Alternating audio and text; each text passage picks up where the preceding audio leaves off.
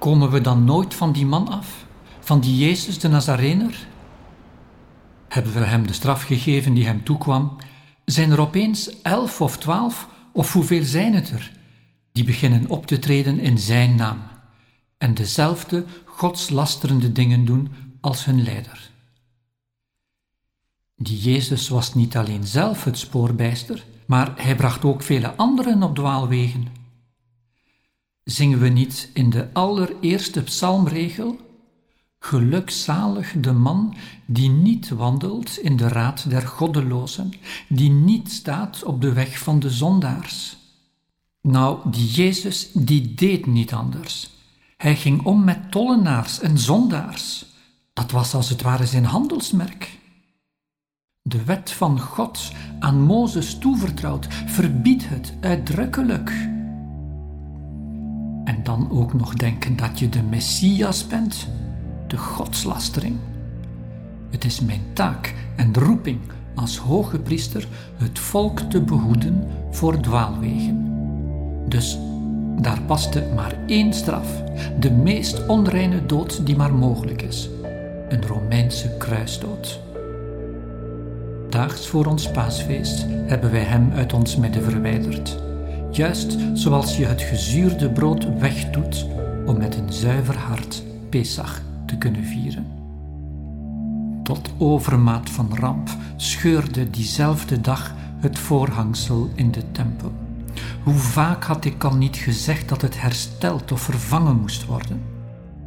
Nu zien die volgelingen van die man dat als een teken het geheim van Gods aanwezigheid zou zichtbaar zijn geworden in die gekruisigde. Heb je het ooit zo zout gegeten?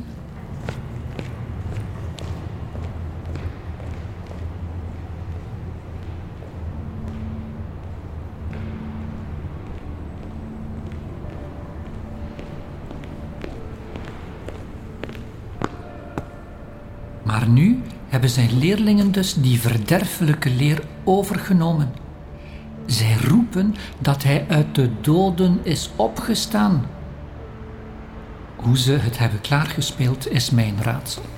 We hebben nog wel een wacht van vier soldaten geregeld, zodat ze niet het lijk van die Jezus zouden stelen en vervolgens roepen dat hij verrezen was uit de dood. En nu is dat toch gebeurd. De bewakers kwamen melden dat er een soort weerlicht was en een donderslag. En toen was het lijk weg. We probeerden hen om te kopen. Zeg maar dat je in slaap was gevallen en dat die leerlingen daarvan gebruik hebben gemaakt. Romeinse soldaten die tijdens de wacht in slaap vallen, dat was hun eer te na. Het heeft ons alles bij elkaar een vermogen gekost om hen en Pilatus toch zo ver te krijgen. Het volgende wat ons te doen staat, is dat we die Jezus-volgelingen moeten stoppen. Er is met hen wel iets vreemds aan de hand. Toen onze mannen de Nazarener arresteerden in die tuin een paar dagen geleden, waren ze als bange wezels, allemaal op de vlucht geslagen. Opeens hoorden ze er niet meer bij. Maar nu, nu blijken die bange wezels veranderd in moedige mannen en vrouwen, niet bang voor onze dreigementen. Zelfs een fikse geesteling schrikt hen niet af.